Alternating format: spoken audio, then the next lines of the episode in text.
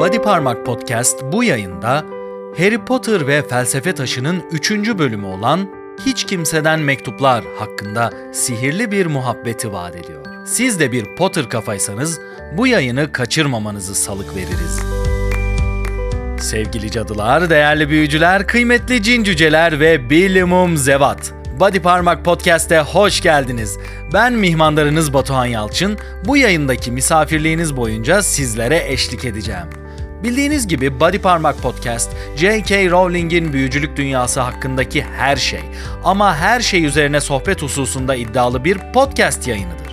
Bugünkü sohbetimizde Hiç Kimseden Mektuplar adlı bölümü didik didik en ufak sihirli parçasına dek analiz edeceğiz. Sizlerle özel notlarımızı paylaşacağız ve fevkalade anlar dediğimiz kısımda size sihirli dakikalar yaşatacağız. Hemen her bölümde o bölümün özetiyle işe başlayalım istiyorum. Çünkü hem hatırlamak iyidir hem de hiçbir Potter kafanın bundan keyif almayacağını düşünmüyorum. Öyleyse karşınızda 3. bölümün özeti. Buyurun efendim.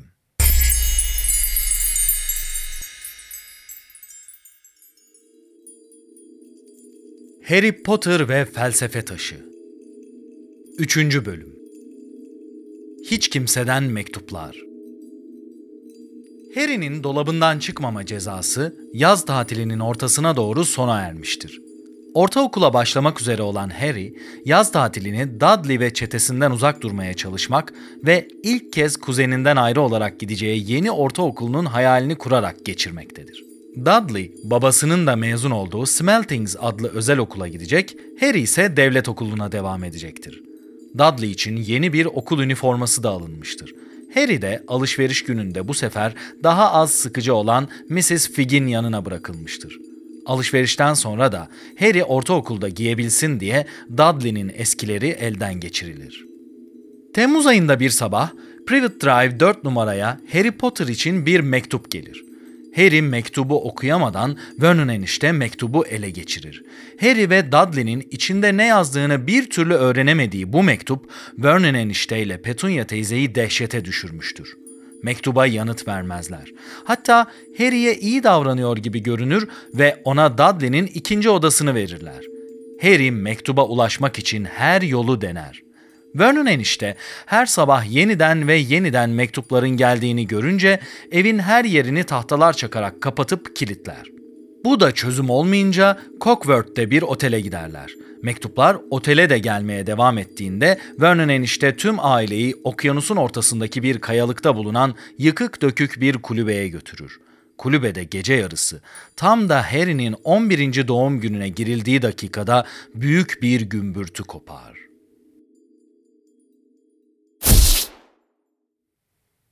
Felsefe Taşı'nın 3. bölümünün özeti böyleydi. Dilerseniz şimdi bu bölümü biraz inceleyelim. Hiç kimseden mektuplar ilk Hogwarts mektubunun karşımıza çıktığı ve mektubun içeriğini görmek için Harry ile birlikte yüreğimizin gümbür gümbür attığı tempolu bir bölüm. Bununla beraber geçtiğimiz iki bölümün aksine bizi büyücülük dünyasının geçmişi ve geleceğiyle ilgili zengin bir havuza atan bir bölüm değil. Bu bölüm daha ziyade diğer bölümler arasında bir köprü görevini görüyor. Bölüm boyunca bir haftalık sürece tanık oluyoruz ve burada Dursley'lerin yahut Harry'nin hayatına dair bilmediğimiz bir durum yok. Bölüm incelemelerine bakışımız açısından en harika yönü bize Harry Potter'ın fantastik hayatı öncesindeki son normal şeyleri sunuyor olması. Tabii o sözde normal içinde Harry'i santim santim takip eden mektuplar ve okyanus ortasındaki bir kulübeye kaçacak kadar panikleyen muggle'lar olması işin eğlencesini arttırıyor. Üstelik yazarımız J.K. Rowling aslında gerginlik yaratabilecek ve psikolojik hatta bazen fiziksel şiddeti de içeren bu bölümün her kısa biriminin sonunda işi komik bir duruma bağlayarak eğlencenin dozunu korumayı başarıyor. Dilerseniz özel notlara doğru geçiş yapalım. Buyurun kütüphaneye.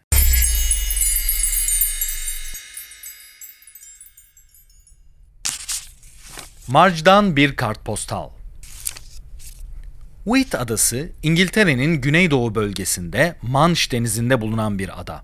Kartpostaldan öğrendiğimize göre Vernon eniştenin kardeşi March hala orada tatil yapmakta. Kraliçe Victoria döneminde popülerliğini arttıran bu tatil beldesi İngilizler tarafından bilinen bir yer. Elbette daha önceki bölümlerde olduğu gibi seri boyunca bahsi geçen pek çok mekan ve yerleşim birimi Britanyalı okuyucular için bizlerde olduğundan daha fazla şey ifade ediyor. Söz gelimi Privet Drive 4 numaranın Surrey'de olması, boğa yılanının serbest kaldığı hayvanat bahçesinin sanılanın aksine Londra'da değil Chessington'da olması gibi. Bunlar Britanyalı okuyucular için yahut ülkemizden o yöreyi bilen az sayıda Potter kafa için önemli olabilir ama onlar haricinde birileri için pek de karşı karşılığı olmayan yerler. Biz yine de ara sıra bunlardan bahsedeceğiz. Tuhaf bir deniz kabuklusu. March Hala yolladığı kartpostalda bir deniz salyangozu yediğini bu nedenle zehirlendiğini yazıyor. İngilizce'de whelk olarak geçiyor. Ülkü Tamer bunu deniz kabuklusu olarak çevirmiş. Bahsi geçen salyangoz türü Avrupa'nın pek çok ülkesinde tüketilen sıradan bir deniz ürünü. Buradan March Hala'nın pek de özel tatların peşinde olmayan sıradan biri olduğunu anlayabiliyoruz. Harry elleri titreyerek zarfı çevirince mor bal mumundan bir mühür gördü. Bu an Hogwarts armasını ilk gördüğümüz an. Elbette Potter kafalar için çok önemli ve kalbimizi ısıtan bir an.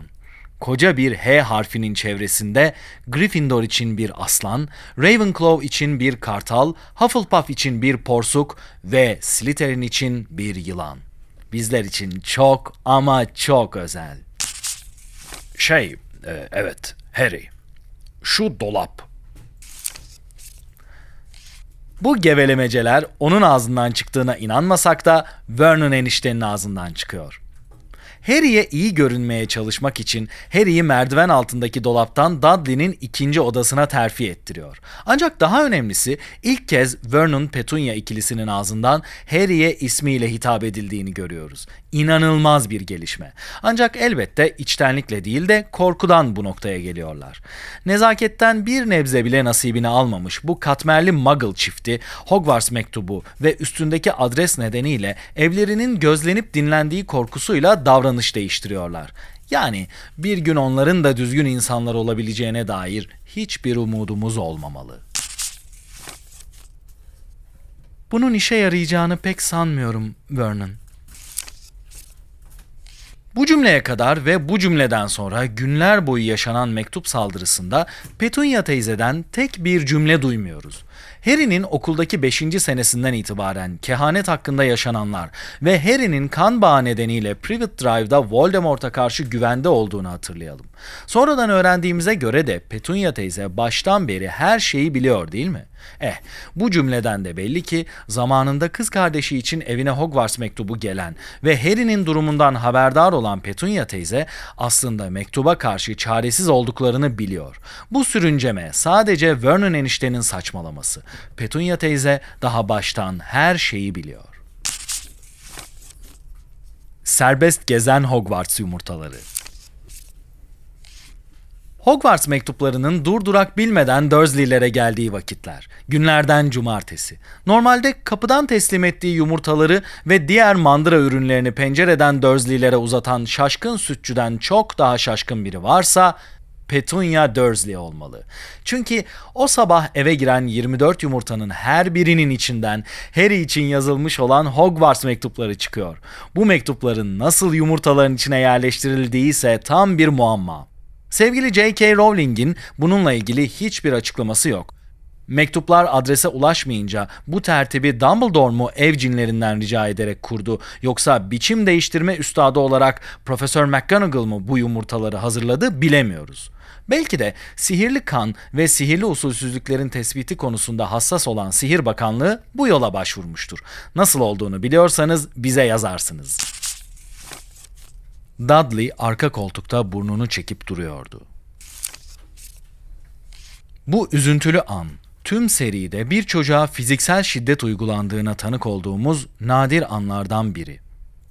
Evden apar topar çıkış sırasında Dudley yanına televizyon, video makinesi ve bilgisayarını almaya çalışınca babası Vernon onun kafasına yumruğu indiriyor. Yani Vernon enişte hiç de filmlerde yahut hayranların sanat çalışmalarında şirinleştirilmeye çalışılan şişko, sinirli ama sempatik adam değil. O bizim topraklarda bol bol rastladığımız hani şu her neşeli şeye düşman olan ve kendini geliştirmekle bilimden ve sanattan haberi olmayan adamlardan. Sadece kendi sığ dünyasının kıstaslarına bağnazca bağlı olup bu güvenli alanı sarsıldığında her türlü riya ya da şiddete başvurabilecek tiplerden çizgili tişörtünü, ses tonunu ve siyasi parti tartışmalarındaki hararetini bile gözünüzün önüne getirebilirsiniz. Dolayısıyla onu şirin göstermek anlamsız. Elbette bu olayların yaşandığı 1991 yılında apar topar evden çıkarken Dudley'nin o zamanın şartlarına göre kocaman cihazlar olan televizyon, video ve bilgisayarı yanına alması abesle iştigal. Ancak bir çocuğa şiddet gösterilmesi bir Potter kafa için asla kabul edilemeyecek şeylerden biri. Bu Dudley bile olsa.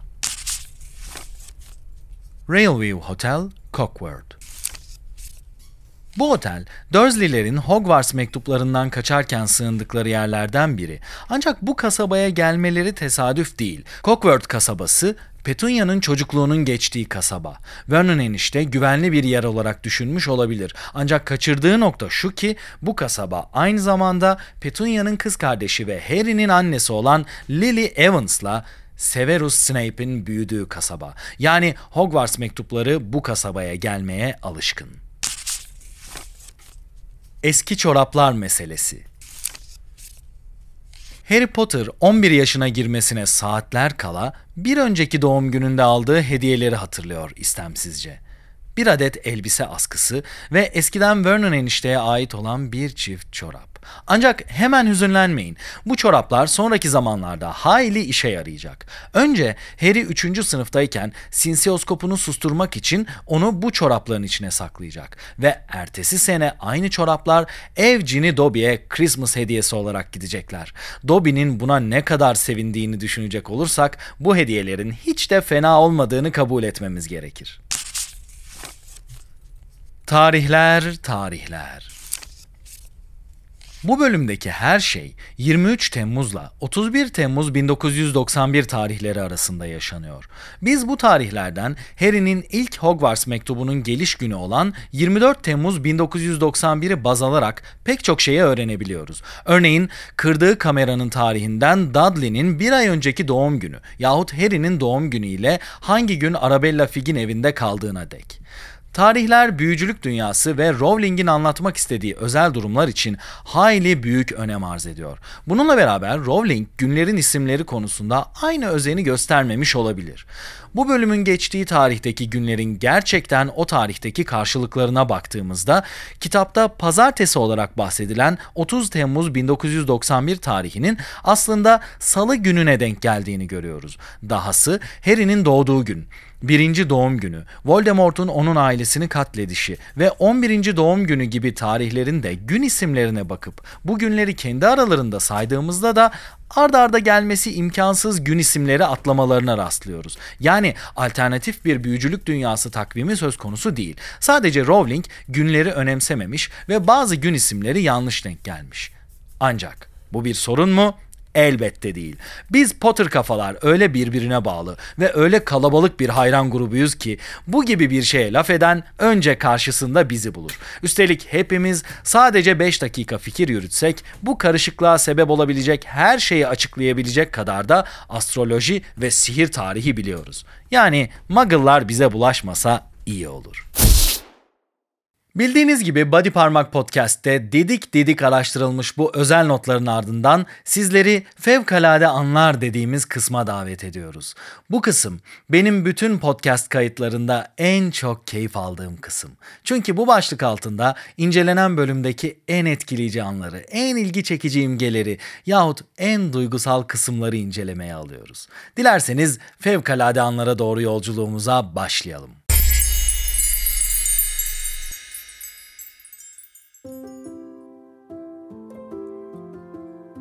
Dudley o akşam yeni formasını giyerek salonda aile için özel bir geçit töreni yaptı. Kaç defa okursak okuyalım. Saçmalığı ve komikliğini kaybetmeyen görgüsüz muggle sahnelerinden biri. Her seferinde beni çok eğlendiriyor.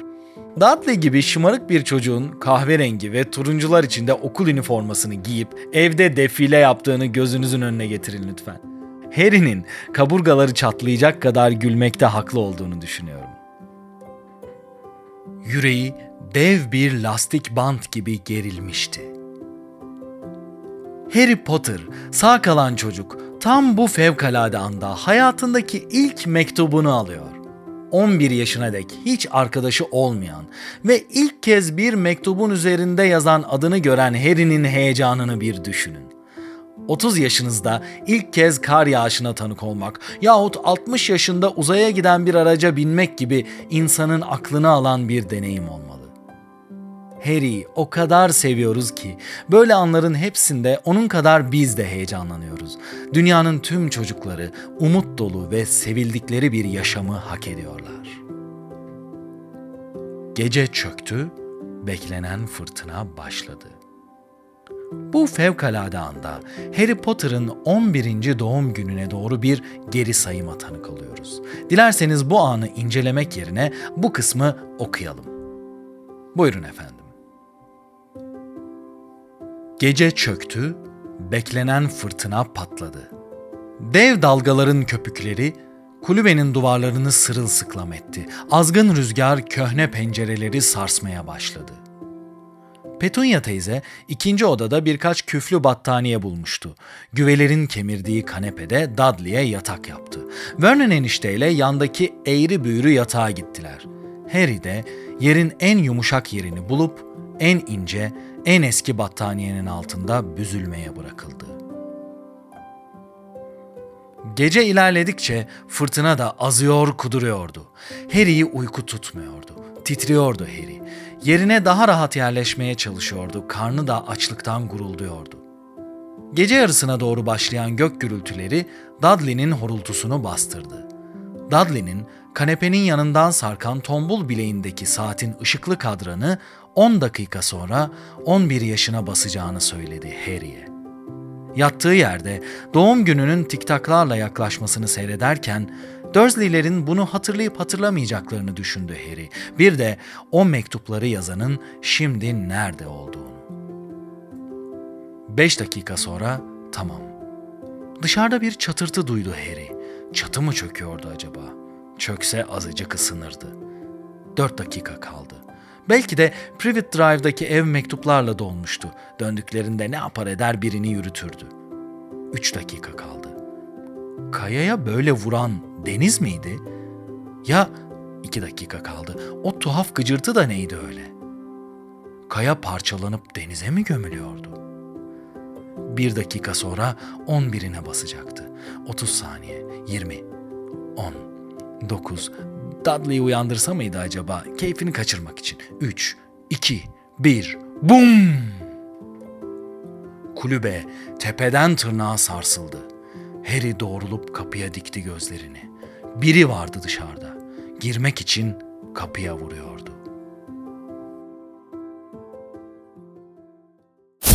Harry Potter ve Felsefe Taşı'nın 3. bölümü olan hiç kimseden mektuplar üzerine söyleyeceklerimiz bundan ibaretti. Siz Potter kafalarda müzik kutularından sihirli müzikler dinlemek yahut Twitter'da yayınladığımız sihir rehberine çalışmak yerine tuttunuz bizi dinleme inceliği gösterdiniz. Sağ olun, var olun efendim. Bize daima bodyparmak.com adresinden ulaşabilirsiniz. Gelecek yayınlarımızda da Harry Potter ve büyücülük dünyası üzerine sihirli sohbetler etmeye devam edeceğiz. Tekrar görüşünceye dek hoşça kalın ve unutmayın. Hogwarts'ta isteyen herkese yardım edilir.